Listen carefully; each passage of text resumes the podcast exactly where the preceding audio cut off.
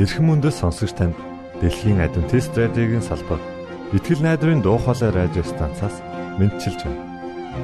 Сонсогч танд хүргэх маань нэвтрүүлэг өдөр бүр Улаанбаатарын цагаар 19 цаг 30 минутаас 20 цагийн хооронд 17730 кГц зөвлөлтөөр 16 метрийн долгионоор цацагдж байна. Энэхүү нэвтрүүлгээр танд энэ дэлхий дээр хэрхэн аз жаргалтай амьдрах талаар зарчим болон мэдлэгийг танилцуулахдаа бид таатай байх болноо. Таныг амарч байх үед аль эсвэл ажиллаа хийж байх зур би тантай хамт байх болноо.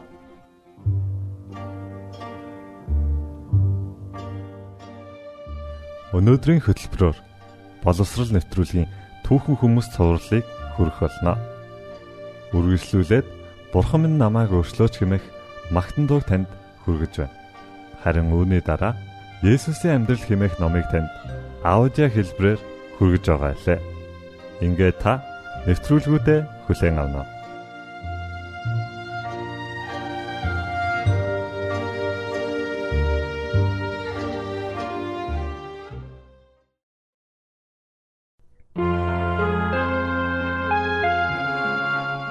Йоханнес Гүтэнбүрг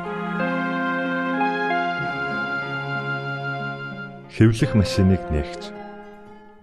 Йоханнес Гүтенбүргийн тухай нарийн тодорхой мэдээлэл бос таамаг төдий зүйлүүд л байдаг. Түүний овгийг чухам хэн гэдэг байсан нь бас л тодорхойгүй бөгөөд төрсөн оныг нь 1400 гэж үздэгч зарим их сурвалжууд дээр 1410 он гэж тэмдэглэгдэжээ. Эцэг эхийнхэн тухайд Испаниас Майнцад цагаачлан ирсэн католик шашинтай хүмүүс байв. Страсбургээс гаралтай 1434 оны үеийн би залуу Йохан Генсфлеш Гутенберг байна гэсэн бичиг олджээ. Гутенберг 1420 он хүртэл чухам юу хийж хаан байсан бас л тодорхойгүй. Ойролцоогоор 1429 онд тэдний гэр бүл Страсбург хотод нүүн ирж тэндээ 1444 оны хүртэл амьдарсгаасан байна. Тэнд байх хугацаанд Гүтенберг алтны дархан болсон бөгөөд 1448 онд Майнцад иргэн ирээд хэвлэх машин зохион бүтээхийн тулд өөрийн үеэлээс мөнгө зээлсэн гэдэг. Металлыг хүснээр өөрчилж чаддаг байсан тэрээр үсэг тусбарыг зэрэгцүүлэн өрж тавиад нэг ижил хуудас цаасыг их хэмжээгээр хэвлэх төхөөрөмжийг бүтээсэн. Ийхүү Гүтенберг ном төдийгүй зураг, хуанлыг хэвлэн гаргаж эхлэв. 1450 онд банкны эзэн Йохан Фустаар өөрийн шин төслөө санхүүжүүлэхээр болсон байна. Фуст Гутенбергтэй гэрээ байгуулсан нь Гутенбергийн хувьд ашигтай зүйл биш байв. Учир нь Фуст Гутенбергт 800 гүлдэнийг жилийн 6% хүүтэйгээр зээлж хэвлэх хэрэгслийг нь өөрийн болгосон юм. Хоёр хамтрагч ашиг орлогоо нэмэгдүүлэхийн тулд олон хувь зарагдаж болох ном хэвлэхээр шийдсэн нь латин хэл дээр орчуулагдсан Библи байсан бөгөөд уг Библийг хожим Гутенбергийн Библи хэмээн нэрийдэх болжээ. 1454 онд ном хэвлэх бэлтгэл ажил эд өрнөж байсан бөгөөд Фус дахин 800 мөнгөөр хэвлэх үйлдвэрлэлд хөрөнгө оруулав. Гэсэн ч харамсалтай нь тэдний хэвлсэн Библи төсөөлж байсан шиг нь тийм их ашгийг авчираагүй. Иймээс Фуст гэрээ ёсоор хэвлэх хэрэгслийг авч цаашид өөрийн нэрээр ном хэвлэх болжээ. Зорьсон ажил нь бүтлгүүтэж хөрөнгө мөнгөгүй болсон ч Гутенберг Германы хаан 2 дугаар Адольф фон Насаугийн ивэл багтаж 1468 оны хүртэл буюу насан эцэслээ түүний ордонд амьдарсан юм.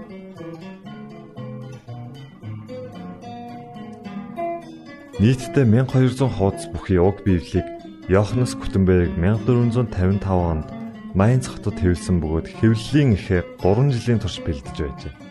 Нийт 200 ширхгийг хэвлснээс 48 нь үлдсэн байна. Гутенбергийн Библи нь өнөө үед хамгийн үнэтэй номын тоонд 109-оор ордог юм.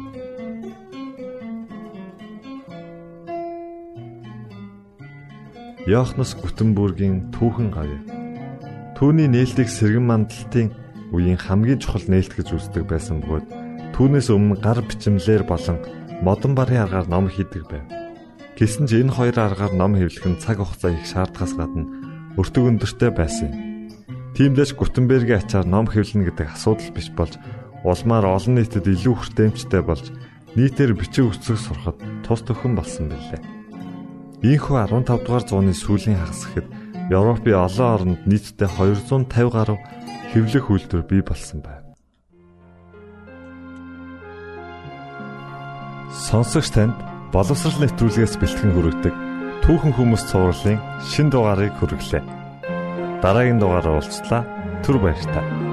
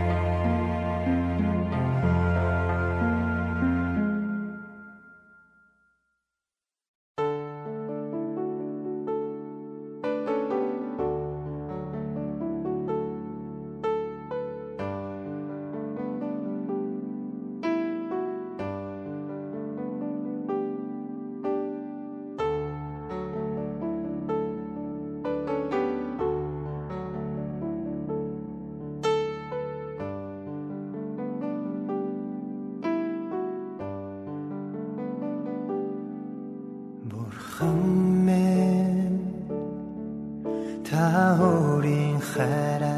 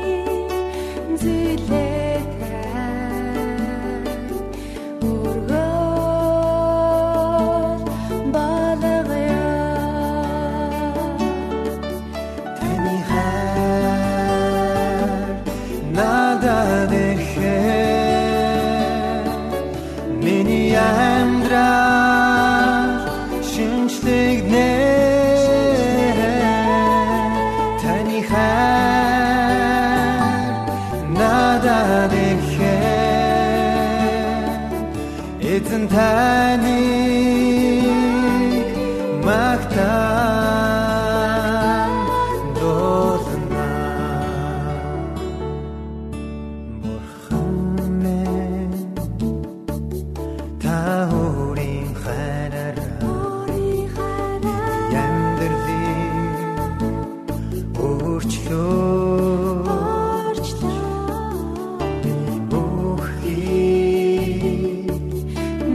headache.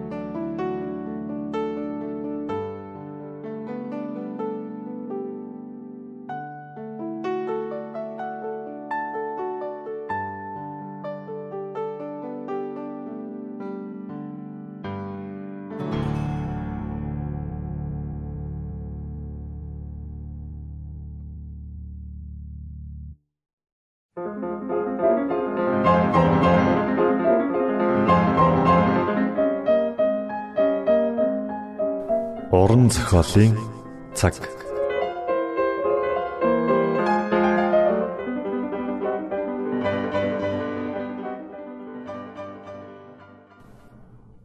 Есүс энэ дэлхийд ирсэн нь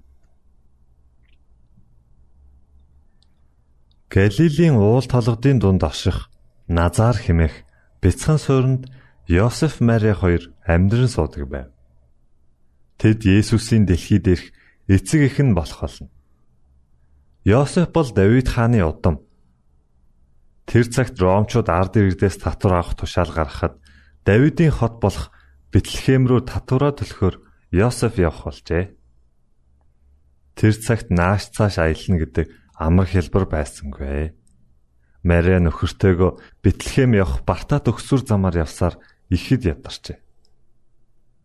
Хөөхий бүсгүй тухтай сайхан амрах газар хүрсэн гэж хичнээн хүсэж байсан бол харамсалтай нь ойтсон газарт нь дэм буудлууд хэдийнэ дүүрсэн байлаа. Баян эрх мэдэлтэй нэгэнд тогтой сайхан газар олдож байхад хөөхий энхүү даруухан аялагчд малын сарвч нь хоноглохоос өөр аргагүй боллоо. Тэрхүү малын сарвчанд бидний аврагч Есүс мэдлээ. Ээж Мариан хүүгээ малын твсэнд хэвтүүлв. Ийхүү даруухан твсэнд сүр жавхлангаараа тэнгэрийг гүйвлэгч дээд бурхны хүү нойрсож байлаа. Есүс дэлхийд ирэхээс өмнө тэнгэрлэгч нарын удирдахч байсан. Юутай ч зүйрлэшгүй агуу гэрэл гэгээ цацруулсан тэнгэрлэгч нар Есүсийн алдар суг магтан тунхаглаж байлаа. Хаан Есүсийг сентиндээ сох үед тэнгэр элч нар бүгд нүрээ халахлан мэхийн асалдаг байжээ. Тэд түүнийг хүндтгэн титмээ хөлдөн тавиад түүний агуу хүч чадлыг багтан магтан дуулдаг байлаа. Есүс хаан суудал заларч хаан титэм зөөж хааны нөмрөг нөмрөн эцгийнхээ дэргэд үлдэж болох л байсан. Гэвч бидний төлөө Тэнгэрийн хаанчлалын бүхий л их мэдлээ дэлхийн ядуу аж амьдралаар солих сонголт хийсэн байна. Есүс өөрийг нь хайрладаг Тэнгэрлэгч нар болон хаан суудлаа орхих замыг сонгосон билээ. Тэрээр биднийг хайрлсан учраас хүнд бэрх амьдрал ичгэвтер үхлийг хүлээн зөвшөөрчээ. Бурхан бидэнд ямар их хайртаг Христийн энэ бүх шийдвэр харуулсан юм. Тэрээр энэ дэлхийд Бурханы хүсэл дуулууртай байснаар Бурханд хүндэтгэл үзүүлж болохыг амьдралаараа харуулсан. Бид түүний үлгэр дуурайллыг дагахснаар эцэст нь түүнтэй хамт Тэнгэрийн гэр оронд үрд амьдрах боломжтой болох юм. Тэрээр энэ бүхний төлөө ирсэн. Бурхны ард түмэн дундаас олон тахилч захирагчд Есүсийг амьдралдаа өрн оруулахад бэлэн биш байлаа. Хэдийгээр тэд аварч удахгүй ирнэ хэмээн хүлээж байсан боловч түүнийг агуу хаан болж ирээд амьдралыг нь баян тансаг болгоно гэж мөрөөдөж байв. Тиймээс шашны удирдагчид аврагч Месаяг бяцхан хүүхэд мэтэр төсөлж чадахгүй байлаа. Христийн дэлхийд мэндэлснийг тунхагласан сайн мэдэг Бурхан тэдэнд мэддэггүй. Харин хончтод эхлээд энэ мэдээг сонсгосон юм. Тэрхүү хончид сайн хүмүүс байлаа. Хончид шөнөөр хоноо манахтаа амлагдсан аврагчийн тухай ярьж түүнийг эрх талаар чин сэтгэлээсээ залбирч байсан тул Бурхан тэдэнд аврагч ирснийг мэдгэжээ. Гинт эзний тэнгэрлэгч тэдний өмнө зогсож эзний цог жавхлан эргэн тойронд нь гисэнд хончид үлэмжийн айдас давтжээ. Тэнгэрлэгч тэдэнд "Бүү айхтун, харагтун, би бүх ард түмний үлэмж баярлуулах сайн мэдээг та нарт авчирлаа. Өнөөдөр Давидын хотод аврагч эзэн Христ та нарын төлөө мэдлэлээ. Тэжээлийн төвшөнд байх даавууд өлгийцэн нэлэх хүүхдийг та нар олж харна. Энэ нь та нарт тэмдэг болно гэж хэллээ.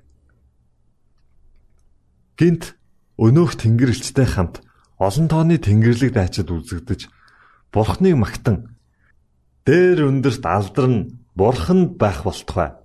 Доор газарт амар тайван нь түүний тааллыг олсон хүмүүст байх болтугай гисгэж байлаа. Тэнгэрлэгч нар тэднийг орхин тэнгэр өөд одсон хончид бие биедээ одоо шууд Бэтлехэм рүү очие. Эзний бидэнд мэдүүлсэн зүйл бүтснийг үздцгээе гисгэж байлаа.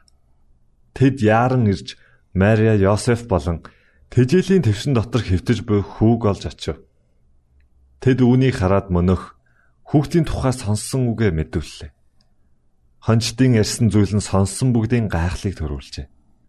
Харин энэ үгийг Мария зүрхэндээ тунгаан бодож энэ бүхнийг нандинан хадгалсан юм. Йосеф Мария хоёр еврей үндэстэн тул ёс заншлаа дагах учиртай байлаа. Тэд Есүсийг 6-7 хоногтой болоход нь Иерусалимийн сүмд Бурхан даатгахаар авчирлаа. Энэ нь Бурханаас Израильчуудад өгсөн тушаалын дагуу үлддэг ёслол байв. Есүс хүүхэд байхасаа л аливаад хүндэтгэлтэй дуулууртай ханддаг байсан.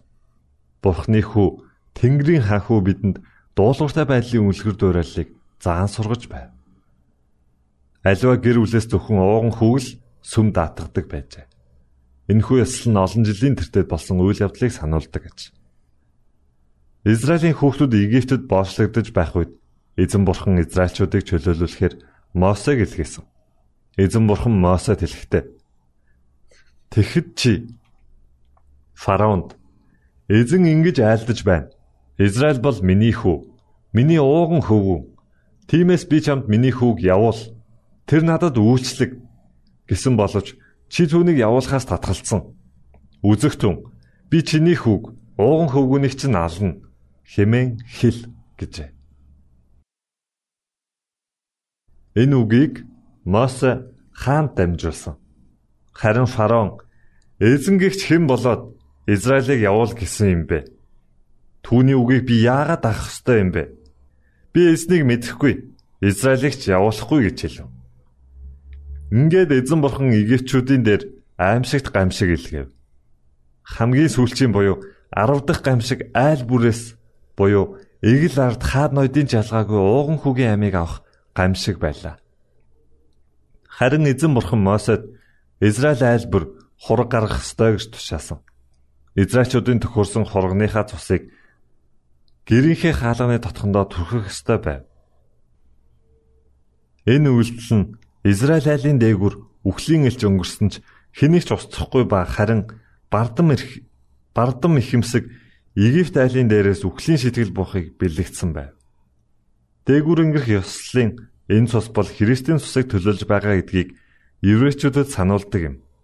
Цаг нь болохоор бурхан өөрийн цорын ганц хүүгээ тэр хураг адил өргөл болгон илгээхэд хүүд итгэгч хүн бүр мөнхийн үхлээс аврагдах болно. Библи Христийг бидний дээгүр өнгөрөх баярын хураг гэжээ. Итгэлээр бид түүний цусаар аврагдана. Ийхүү Израиль айл бүр эрт цагийн тэрхүү өхлийн гамшихаас үр хүүхдүүд нь аврагдсныг санан дурсаж ууган хүүгээс хүм даатгадаг болсон бөгөөд энэ нь хүм бүр мөнхийн үхэл гим нүглээс аврагдах боломжтойг бэлэгддэг ажээ. Сүмийн тахилч ууган хүүг гар дээрээ өргөн тахилын ширээний өмнө аваачдаг. Ийхүү ууган хөвгүүдийг бурхны өмнө даатгадаг байлаа. Тахилч хүүг эхтэн буцааж өгөөд хүүгийн нэрийг Израилийн ууган хөвгүүдийн нэрс бичсэн хуйлмал бичээс эсвэл номонд бичдэг байсан. Үүнтэй адил Христийн цусаар аврагдсан хүн бүрийн нэр амийн номонд бичигдэх болно. Та уран зохиолын цаг навтруулыг бүлээн авч сонслоо. Дараагийн дугаараар уулзтлаа. Түр баярлалаа.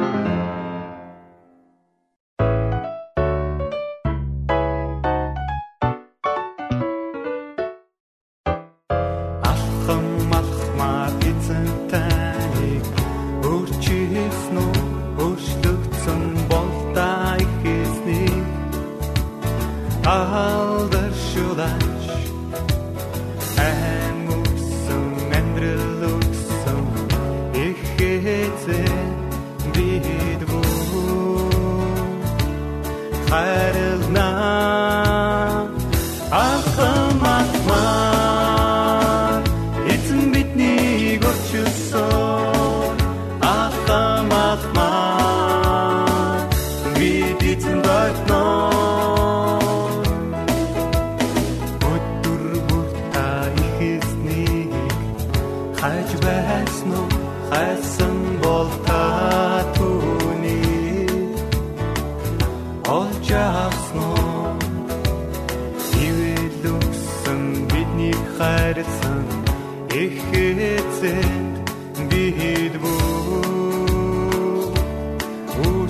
Гэр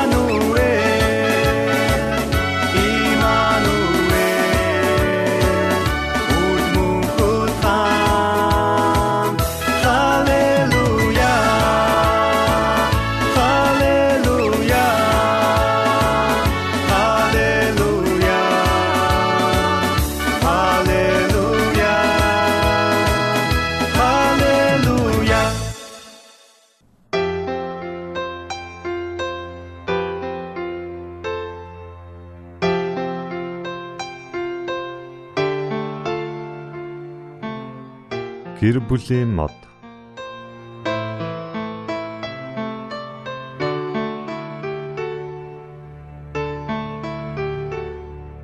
Дөнгөж гэрэлсэн шинхэн хосууд байжээ. Гэтэл тэд хамт амьдарсан эхний саруудаасаа л гэрлэлт гэдэг бол тэдний хүсч мөрөөдөж байсан шиг хэлбэр зүйл биш болохыг нь сайтар ойлгов. Тэд үнэндээ бие биенийгээ маш ихээр хайрладагч Сүүлийн өдрүүдэд бие биенийхээ жижиг алдаан дээрээс аар саад ялахгүй зүйлээс болж үгсөрөх нь цөөнгүй болцгоосон аж. Нэгэн орой хамтдаа суун ярилцаж энэ байдлаа цэг тавих хэрэгтэй гэдгийг ярив. Би биенээсээ салахыг огтхон ч хүсээгүй залуу хсууд ихэд бодлогошров.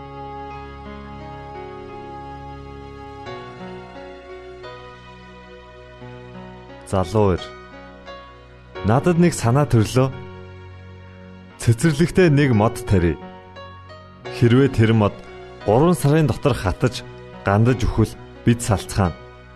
Харин эсрэгээрээ сайхан ургуул салах тухай хизээш дахин ярихгүй. Мөн энэхүү хугацаанд өөрөөр өрөөнд бай гэлээ.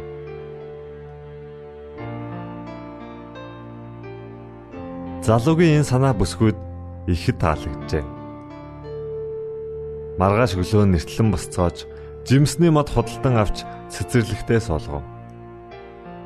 Ингиж явсаар яг нэг сар өнгөрлөө. Нэгэн шөн залуу хсууд цэцэрлэгтээ таарлтхан тэр. Тэр хоёр хоёулаа устай хувин барин зогсож байв.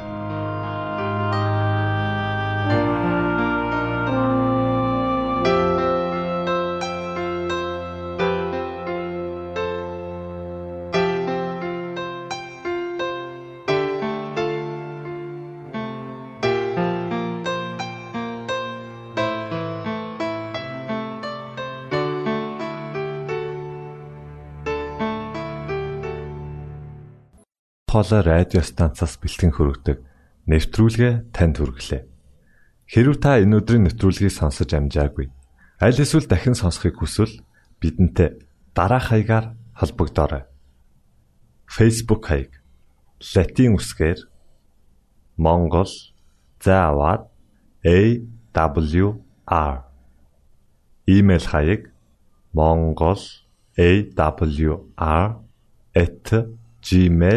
mongol@gmail.com Манай утасны дугаар 976 7018 24 9 Шуудангийн хаяг 16 Улаанбаатар 13 Монгол улс.